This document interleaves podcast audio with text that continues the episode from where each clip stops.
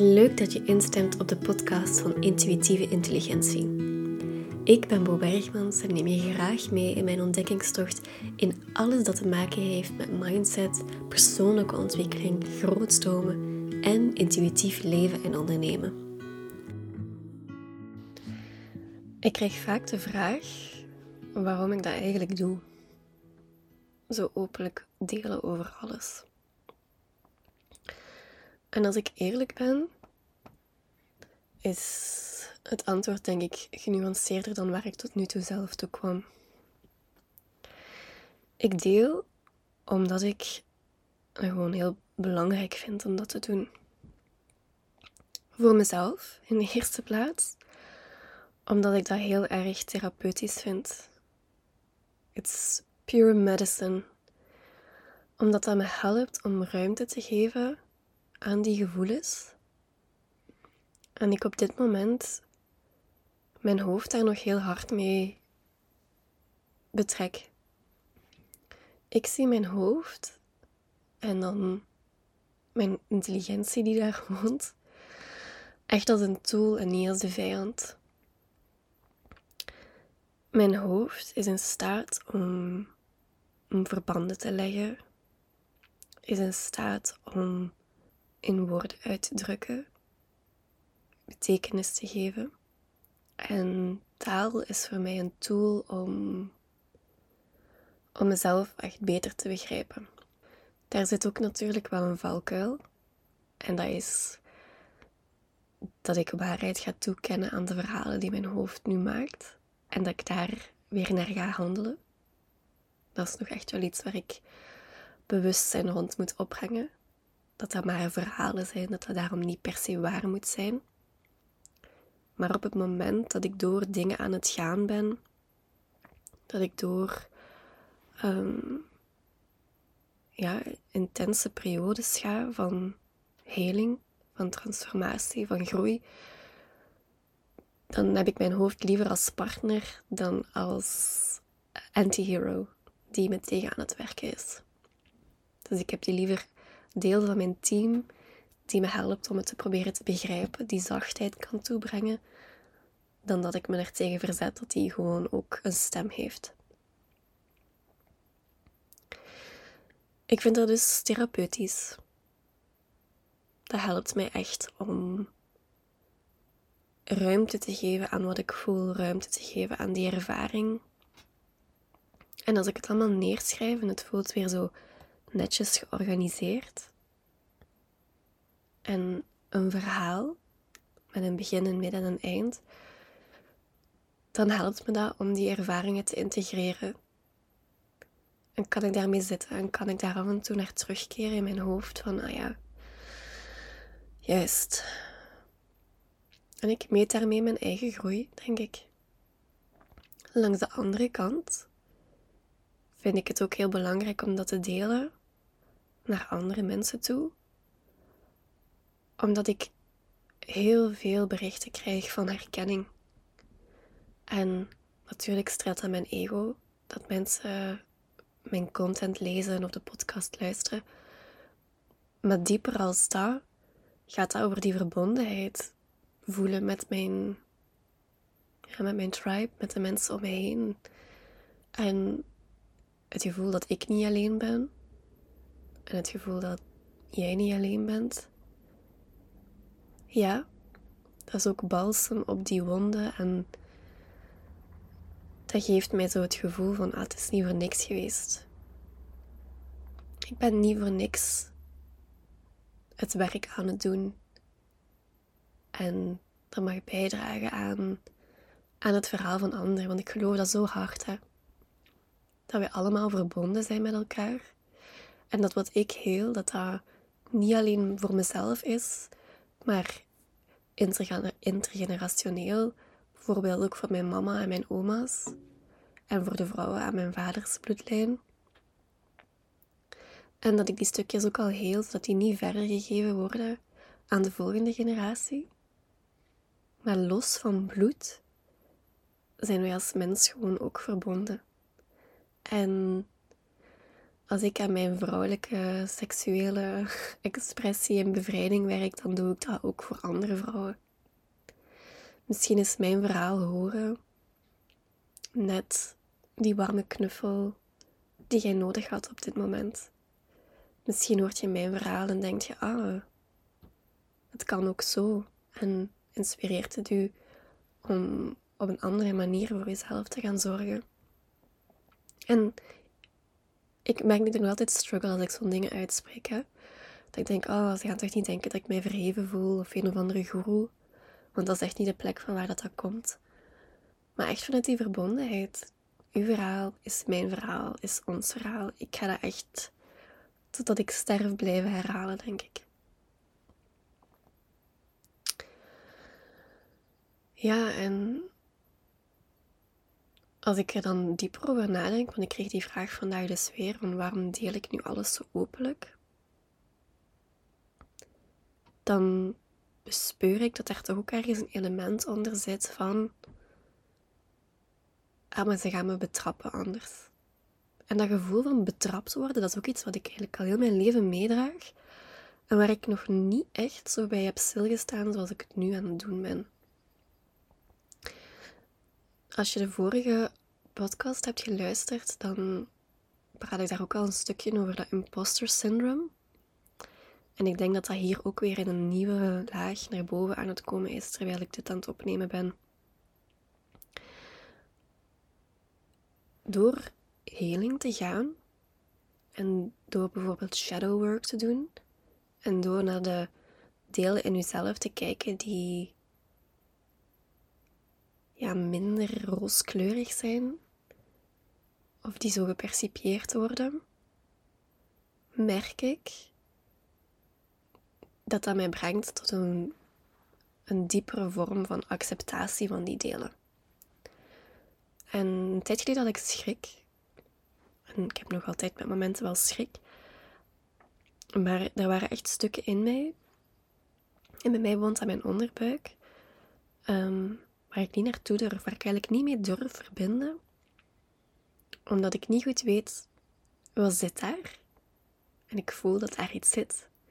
En dat wil heel duidelijk iets tegen me zeggen. Maar ik ben nog niet klaar om te luisteren uit angst.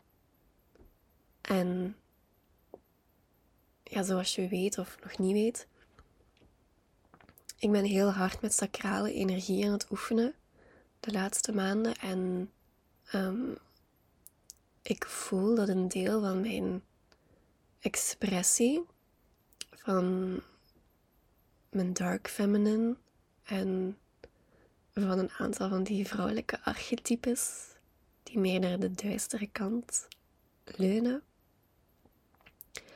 zachtjes zo met hun vingers over mijn huid aan het trillen zijn en zeggen van het is tijd. Je hebt het werk gedaan, je bent klaar voor die volgende laag. We moeten eens met elkaar praten. En ik ben, ik ben ook klaar, hè. Langs één kant kan het eigenlijk niet rap genoeg gaan gaan. Ik ben zo klaar, ik ben zo nieuwsgierig wat die willen zeggen, hoe hun expressie eruit zal zien via mij. Maar ik heb ook strikt dat ik dat niet alleen ga kunnen dragen als dat gaat komen.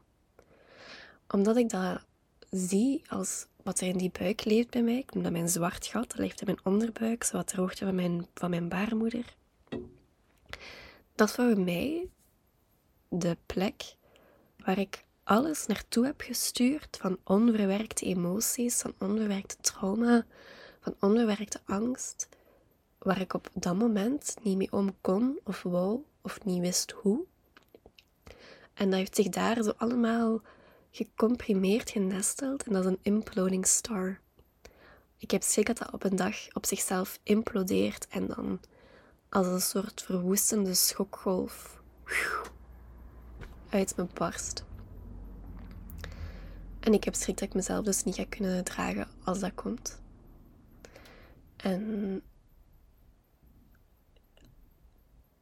ja, terwijl ik erover praat, begint die buik weer actief te worden. Als in zo, ja, ja, ja, ja, mogen we? Is het tijd? Zet je er klaar voor? Maar ik denk dat ook dat zo dat intergenerationeel trauma zich daar aan het nestelen is. Dat dat niet alleen van mij is wat daar zit. Dat ik daar ook dingen draag die van anderen zijn.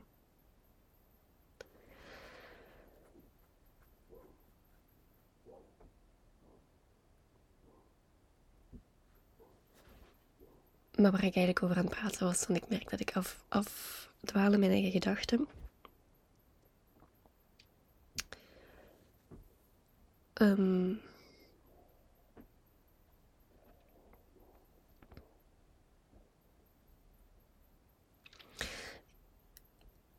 in het werk wat ik dus doe, om naar die delen in mezelf te gaan die ik unlovable vind, of waar ik mezelf op veroordeel, of die ik eigenlijk het liefst wil negeren en wil, wil blijven wegstoppen,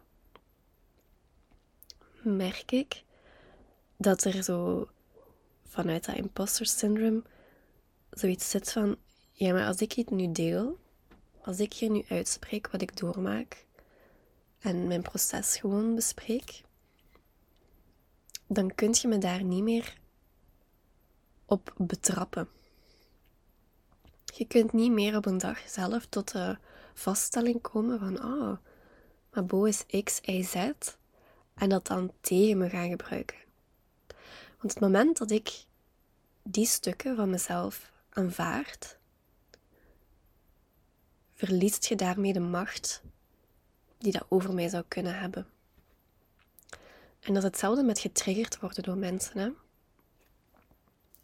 Iemand kan u niet triggeren. Die hebben die, die gave niet, dat, dat bestaat niet. Jij kunt wel getriggerd zijn. En dat ligt bij u. En dat is een balansoefening die ik de laatste tijd ook steeds beter en beter begin te navigeren, naarmate dat ik opener ben beginnen delen. Als in te zien van, ja, ik geef die macht daar nog altijd uit handen als ik me laat triggeren. En dat is gewoon een uitnodiging om te gaan kijken, waar zit daar? Wat is hier eigenlijk aan de hand? Waar voel ik me nu betrapt op? En dat betrapt zijn, ja, dat is echt nieuw. En dat is ook weer gelinkt aan schuld en schaamte, hè? Want ik schaam me daar dan voor. Ik schaam me dat ik tekort schiet. Of ik schaam me dat ik te veel ben. Hm.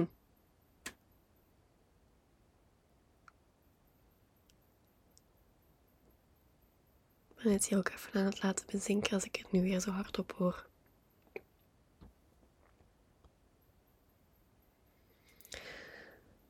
Ik moet ineens denken aan, aan woede als emotie.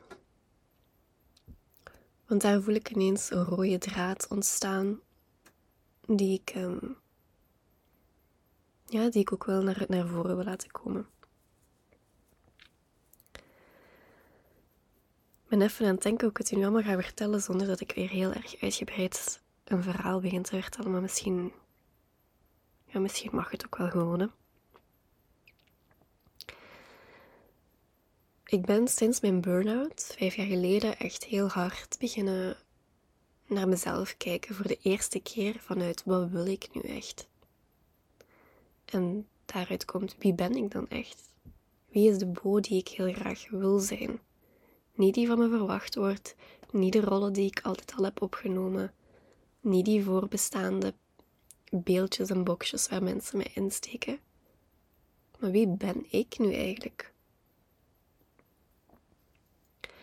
En door naar de psycholoog te gaan en echt zo in, in mijn patronen te duiken, ja, dan komt je al heel snel natuurlijk ook bij je ouders uit en bij je opvoeding. Dat is, zo'n grote vorm, een groot deel van wat u vormt. En heb ik ook heel hard stilgestaan bij mijn mama. En vanuit dat intergenerationeel trauma kan ik daar nu anders naar kijken, maar ik ga je eerst wel meenemen in hoe dat, hiervoor is geweest. Toen mijn oma op sterven lag, dus mijn mama haar mama, ben ik echt door mijn grootste persoonlijke hel gegaan. En dat is een verhaal van me machteloos hebben gevoeld en te veel verantwoordelijkheid hebben genomen. En, en ja, voor mij was dat echt het hoogtepunt van de ongezonde relatie die ik met mijn mama had. In de zin van ons moeder en dochter verhaal.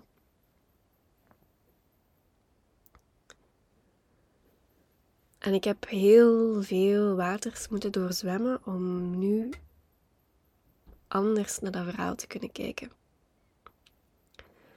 Mijn mama heeft vaak de neiging om dingen uit handen te willen geven. Mijn mama heeft graag dat er voor haar gezorgd wordt. En zij vindt ook dat dat mijn taak als dochter is om voor haar te zorgen. Ze heeft mij gewild, ze wou een dochter en ze wil dat ik die zorg voor haar opneem, maar ze heeft dat altijd gewild. En ze heeft ook van haar ouders gewild en ook van haar broer en van iedereen, van een partner.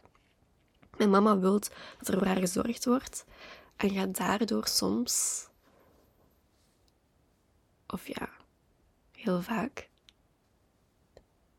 in een rol waarbij dat ik niet in mijn kindrol mag staan. Dat ik haar moeder ben, haar zus ben, haar vriendin ben. En dat is, dat is al van jongs af aan zo geweest. En ik heb van daaruit heel hard geprobeerd om voor haar te zorgen. Ik vond dat belangrijk. Ik wou voor haar zorgen. Ik wou haar moeilijke emoties ontnemen. Ik wou haar gelukkig maken. Ik wou, ik wou de perfecte dochter zijn. Daar ben ik in de vorige podcast ook al op ingegaan. Maar ik heb daar niet geleerd om kind te zijn. Ik heb daar niet geleerd om grenzen te stellen. Ik heb daar niet geleerd om mijn eigen prioriteit te zijn. Want dat heeft heel lang aangevoeld als ik besta in functie van u. En ik moet in functie van u bestaan, want er is geen ruimte voor mijn gevoelens, voor mijn noden, voor mijn, um, ja, voor mijn verhaal. Want jij moet eerst komen. En toen mijn oma in het ziekenhuis lag, wat voor ons allebei een hele emotionele periode was, hebben wij gewoon in de meest uitvergrote versie van die rollen bestaan. Mijn mama kan dan dingen zeggen als: Ja, maar gaat jij maar met de dokter praten, want jij kunt dat beter als mij. En ja, maar beslist jij maar hoe we dat gaan aanpakken, want jij kunt daar beter mee om als mij. En voor mij voelde dat heel erg als het verschuiven van haar verantwoordelijkheid in mijn schoenen. Terwijl ik echt het gevoel had van, het is hier niet aan mij om, om dat te doen. Dat is uw moeder. Jij moet, jij moet nu de volwassene zijn. Maar die dynamiek tussen ons bestond niet op die manier. En ja, ik ben gewoon weer in diezelfde rol gaan staan. Ik ben het beginnen regelen. Ik ben beginnen ruzie maken. Ik ben beginnen vragen stellen. Ik ben beginnen trekken, beginnen vechten, beginnen, beginnen zorgen. En in dat zorgen ben ik super hard, maar echt het hardste dat ik ooit heb gedaan aan mijn eigen grenzen voorbij gegaan. Want ik was zelf verward. Ik was zelf emotioneel. Ik was zelf verdrietig. Ik was zelf onzeker. En dan naar het einde toe, dat er eindelijk een dokter met ons is komen praten over wat er nu aan de hand was. En echt durfde uitspreken dat mijn oma stervende was en dat de zuurstof weggenomen moest worden, heb ik heel hard het gevoel gehad dat die beslissing bij mij is gevallen om te zeggen: Het is goed, doe maar. En daar heeft niemand mij gedwongen, hè? Uiteindelijk ben ik degene die zelf die woorden heeft uitgesproken, maar voor mij heeft dat wel zo gevoeld. Omdat mijn mama zwijgde, omdat mijn mama niet opstond en als eerste het gesprek ging aangaan, heb ik mij daarin gepusht gevoeld. En die beslissing, ik zeg dat echt niet licht, dat heeft me vijf jaar van mijn ziel gekost. Dat was te zwaar. Dat had niet bij mij mogen liggen. Ik had daar niet in die rol mogen gaan staan. En dat heeft me, dat heeft me doen crashen. En daarna is mijn burn-out twee weken later echt, um, hoe zeg je dat? van start gegaan. Dan is het echt licht uitgegaan. En dat is ook het begin geweest van een heel uitgebreid pad naar woede. Dat gaat over woede. Want ik, ik voelde heel veel woede. Woede naar mijn mama, woede naar mijn stiefvader, woede naar de wereld. En eigenlijk was dat gewoon die woede die naar boven kwam, die al die jaren al in mij borrelde en waar ik gewoon geen gehoor aan gaf en die ik allemaal in die zwarte doos in mijn buik heb geduwd. En toen was het deksel ervan afgesprongen, een duiveltje uit het doosje en ik kreeg dat niet meer teruggeduwd. En dat heeft lang geduurd hoor, voordat ik besefte dat dat woede was. Ik noemde dat teleurstelling, ik noemde dat falen. Er kwam heel veel verwijt langs mijn kant bij te pas. Ik stond enorm hard in die slachtofferrol, kon geen verantwoordelijkheid nemen voor mijn eigen aandeel in dat verhaal. Maar dat is wel steeds duidelijker naar boven gekomen. En dan twee jaar geleden was ik ook door enorme groeispurten met mezelf aan het gaan. En dan kwam die woede die ik naar mijn mama voelde, die eigenlijk nog nooit uitgesproken was, die niet afgerond was, keihard naar boven. En zijn wij keihard in de clinch gegaan. En dat is zo geëscaleerd dat we zelfs gewoon een paar maanden niet met elkaar hebben gesproken. En ik vond dat verschrikkelijk, hè? En zij ook, hè? Maar dat is wel heel belangrijk geweest in ons verhaal. En ik vind dat nog altijd moeilijk om emoties als woede te vertonen. Want dat is een emotie waar ik me dan op betrapt voel. Oh, ik mag niet woedend zijn. Daar gaat oordeel over komen. Ik ga afgewezen worden. Ik ga falen. Heel dat perfect daughter existence komt daarmee in het gedrang. Heel dat nice girl image wat ik zo zorgvuldig heb opgebouwd over zoveel jaren. Woede is daar haaks tegenover. Hè? Maar woede is wel ook een emotie die ik ja, mag, mag ervaren. Ik mag boos zijn, ik mag kwaad zijn, ik mag woedend zijn. Ik mag het gevoel hebben dat er me onrecht werd aangedaan. Ik mag kwaad zijn als mijn grenzen niet gerespecteerd worden. Maar je moet wel leren hoe je met woede om kunt gaan. En dat is, ja, dat is nog een heel ander verhaal. Nu, het voelt alsof ik weer heel hard aan het afwijken ben in deze podcast. En ik ben gewoon beginnen praten en ik dacht, ik, ik neem het op. Ik zie wel of het bruikbaar is. Ik ga het straks wel beoordelen. En als je dit hoort, ja, dan heb ik besloten dat het gewoon zo door mocht gaan.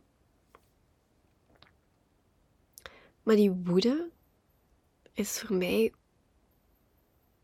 ook weer een gedeeld verhaal. Die woede is iets wat volgens mij mijn mama ook heel hard voelt en niet kan uiten. Ik denk dat mijn oma's dat ook gevoeld hebben en, en daar niks mee hebben gedaan. En dat dat daarom zo sterk voelt. Dat is gevoed door generaties op generaties op generaties die ja, die niet de ruimte hadden, die niet de middelen hadden, die niet de mogelijkheid hadden, die niet de veiligheid hadden om hier door te gaan. En ik, ik zie dat ondertussen echt als iets sacred. Hè? Het feit dat ik dat kan en mag gaan verkennen en, en mag proberen en mag zoeken, dat is niet alleen voor mij, dat is ook voor hen. Dat is echt een gedeeld verhaal.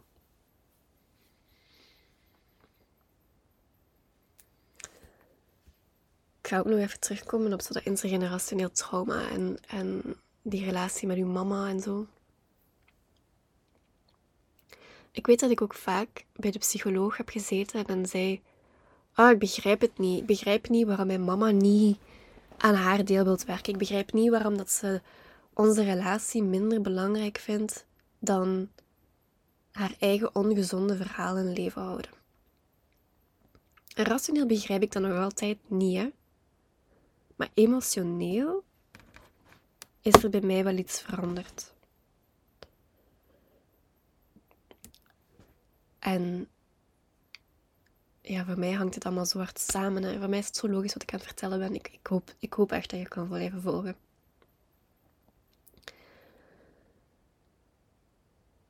Ik denk dat wij als vrouw een cyclus van schuld en schaamte ervaren en blijven doorgeven. Als in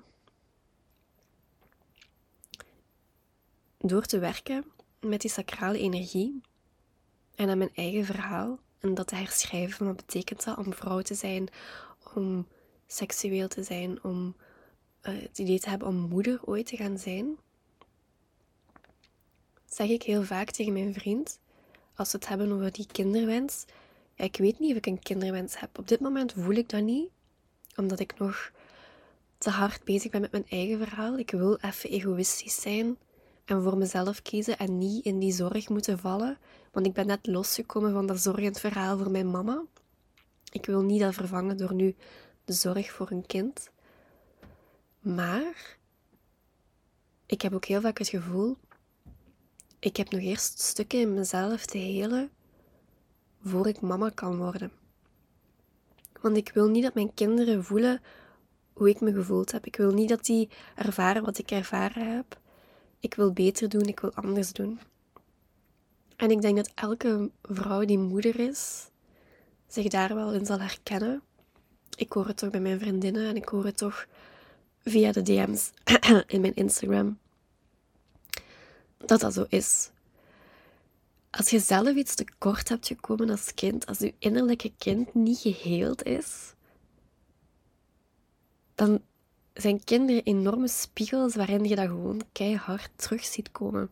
En dat je erkent dat je dingen doet zoals je, je ouders het deden, dat je dat eigenlijk niet wilt. Of dat je zo hard probeert om het anders te doen. En dat je daarbij jezelf voorbij loopt. En ik zie dat gebeuren bij mijn vriendinnen. En ja, dat houdt mij soms tegen om, om echt open te staan voor het idee om kinderen te krijgen. Nu, dat mag mij niet tegenhouden, hè. En ik ga nooit volledig geheeld zijn en ik ga ook fouten maken als ouder. En dat is oké, dat is echt oké. Het mooiste cadeau wat je je kinderen kunt geven is dat je aan jezelf werkt. En probeert. En je best doet. En ja, ik ben altijd een beetje voorzichtig als ik zo dingen zeg, want ik ben geen moeder, maar dat is hoe ik daarin sta en hoe ik daar naar kijk. Maar zo het verwijt naar mijn mama van, allee, waarom heeft hij nu niet geprobeerd? Waarom heeft hij nu al haar shit op mij gedumpt? Ja, dat is zachter geworden sinds ik er zo naar kijk. Want ik weet dat mijn mama mij graag ziet, hè. Ik weet dat hij van mij houdt. Ik weet dat hij mij graag heeft, dat hij trots is, ook al kan ze dat niet zeggen. Ik weet dat hij met alle beste intenties er voor mij is geweest op de manier als hij kan er voor mij zijn. En ja, het verandert iets in onze dynamiek dat ik er zo, zo naar, naar kan kijken. Maar dat is niet alleen door daarover na te denken en over te praten. Hè. Dat is ook gewoon met die emoties aan de slag gaan en dat afronden. En ik heb een tijdje geprobeerd om zo dat rechtvaardigheidsgevoel wat ik heb van, oh, ik heb recht op mijn emoties en jij moet mij iets geven naar haar te uiten. En iets geven, dat was dan een verontschuldiging of een erkenning dat wat ik voelde, dat dat waar was en dat zij daar, uh, dat ze dat zag. En ja, dat is valikant misgegaan. Hè. Ik heb dat op een verkeerde manier proberen afdwingen. Ik kan niks afdwingen van een ander. Net zoals jij niks kunt afdwingen van mij. Maar dat voelt op sommige momenten wel. Hè. En dat is grappig, want dat laat zien zo... Ik was heel hard op zoek naar haar goedkeuring en naar haar bevestiging. Dat ik mocht voelen wat ik voelde. Dat dat, onrecht, dat, dat, dat die boosheid, dat dat terecht was. En ik gaf weer al die bevoegdheid uit handen naar haar. Terwijl ik dat van mezelf moet geven. Ik moet zeggen, boot, is oké, je mocht voelen wat je voelt en daar verantwoordelijkheid voor nemen en daar iets mee doen. Ja, het is allemaal een complex verhaal, hè, heling. Alles is echt zo met elkaar gelinkt. Je kunt niet, je kunt niet aan één stukje werken en dan denken: oh ja, maar nu is het gedaan. Nee, het is nooit gedaan. Er komen altijd nieuwe, nieuwe laagjes boven, nieuwe stukjes om aan te kijken. Hm. Ik werk ook met Leen, mijn um, sensualiteitscoach. Ik werk met Gert, die werkt rond intuïtief lichaamswerk. En die mix heeft me wel echt al heel veel geholpen. Ik praat daar ook heel veel over. Omdat ik dat echt zo... Oh, dat is echt zijn geld zo hard waard geweest. Om met die twee mensen in zee te gaan. Om me door hen te laten ondersteunen. En ik herinner me dat we zo met Leen een Wild Woman Ritual heb gedaan. En dan met Gert mijn eerste sessie op de matras heb gehad. En nadien is er zo echt iets geklikt in mij. In dat, in dat sacrale stuk, dat is die womb space. En ik ga gewoon nog een anekdote vertellen. Ik ben op een dag mijn mama van de luchthaven gaan halen, kort na die sessies. En we kwamen thuis en ik had geen eten gemaakt. Nu moet je weten, ik kook niet graag. Ik ben niet met eten bezig. Ik vergeet heel vaak te eten. Dus dat is voor mij geen prioriteit waar ik mee bezig ben. Maar ik had wel iets in huis gehaald om te kunnen maken. En mijn mama, die is teleurgesteld dat ik niet gekookt heb. En dat gaat niet over dat koken, maar dat gaat over dat gevoel dat ze van mij wilt. Van ik zorg voor u, ik heb aan u gedacht, uh, ik maak het gezellig. En zij voelt zich daar enorm in tekort gedaan. En ik zie dat wel, hè. Maar dat is niet wat ze zegt. En in plaats van dat te zeggen, zeg, geeft ze mij... Nee, geeft ze mij niet, want ze kan me dat niet geven. Begint ze een verhaal te doen van... Oh, ja, maar zeg, ik had dat wel gedacht en zo heb ik u niet opgevoed en ik had dat wel voor u gedaan. En dat triggert normaal in mij door die hele cyclus van schaamte hè, en schuld. Van, oh, ik heb hier tekort gedaan, ik ben niet de perfecte dochter. En normaal zou mijn instante reactie zijn van, ah ja, oké, ik moet dat hier gaan oplossen, ik moet, ik moet eten gaan fixen, ik moet, hier, ik moet daar terug gelukkig maken. Maar dat gebeurde niet. Wat gebeurde was dat er eigenlijk een laagje van die boosheid naar boven kwam. En dat ik zo me begon te verdedigen van waarom ik dat niet had gedaan. En ik betrap me erop dat ik dat aan het doen ben. Ik denk, wat zit ik hier nu in de verdediging te schieten? Want ik wil precies wegkomen aan dat stukje... Oh, betrapt, hè? Betrapt aan dat ik hier tekort heb gedaan. Dat ik gefaald heb. Dat ik niet, niet genoeg zorg kan dragen. Dus ik probeer dat terug in te slikken. En terug bij mezelf te komen van... Wow, wow. Wat is hier eigenlijk allemaal aan het gebeuren? Dat hoeft niet naar een conflict situatie te gaan. En met dat ik dat begin tegen mezelf te zeggen, krijg ik zo'n flashback. En dat is de allereerste keer dat ik dat ooit had. Dat ik mezelf aan tafel zag zitten als kind, als zevenjarige. En dat ik zo door datzelfde gevoel aan het gaan was. En op diezelfde laag van, oh, schaamte en schuld. En, oh, ik heb tekort gedaan. En ik kon zo tegen die kleine Bo zeggen van, nee, maar het is echt oké hoor. Wat hier aan het gebeuren is, trek je dat niet aan. Um, Mama heeft een stukje wat duidelijk hier getriggerd wordt vanuit haar gekwetste kind. Laat dat bij haar, dat is van haar. Jij moet daar niet voor zorgen. Zorg jij nu maar eens eerst voor jezelf. En ik vond dat zo'n bevrijdend moment van wow, wow. Het is de eerste keer dat ik hier nu echt helemaal anders mee kan omgaan. En ik ben opgestaan, ik ben naar mijn kamer gegaan. Ik ben boos geweest. Ik heb van een kussen zitten roepen en ik tegen een kussen zitten slaan. En ik heb haar laten sudderen, want ze liet duidelijk voelen dat ze er echt niet mee gediend was met hoe dat ik... Ehm, hoe dat die hele situatie was gegaan. Ik had echt iets van, ja, sudder dan maar wat. Het is oké. Dat is uw stuk om mee te zitten. Ik ga het niet, ik ga het niet proberen fixen. En dan moest ik ergens naartoe, ben ik met de auto gegaan. Mijn vriend zat bij mij in de auto. Oh, en ik was kwaad. Ik heb zitten roepen en ik heb zitten vloeken en ik heb zitten kwaad zijn. En dat was voor mij ook, ook de eerste keer, want ik roep niet. Ik word niet boos, ik vloek niet. Ik heb meestal heel veel moeite met expressie via mijn stem van mijn kwaadheid. Nog meer dan alle andere delen in mijn lichaam. Maar toen kwam dan, ik liet dat gewoon ook toe. En ik heb, heb super luid zitten meezingen. Ik heb zitten zuchten. En ik heb zitten... Ja, zo... Ah, zitten... zitten ja, zitten boos zijn, hè. Het is oké. Omdat ik daar ruimte aan heb gegeven, is dat kunnen... Kunnen voorbij gaan. En mijn vriend zat naar mij te kijken in de auto en die dacht iets van... Wow.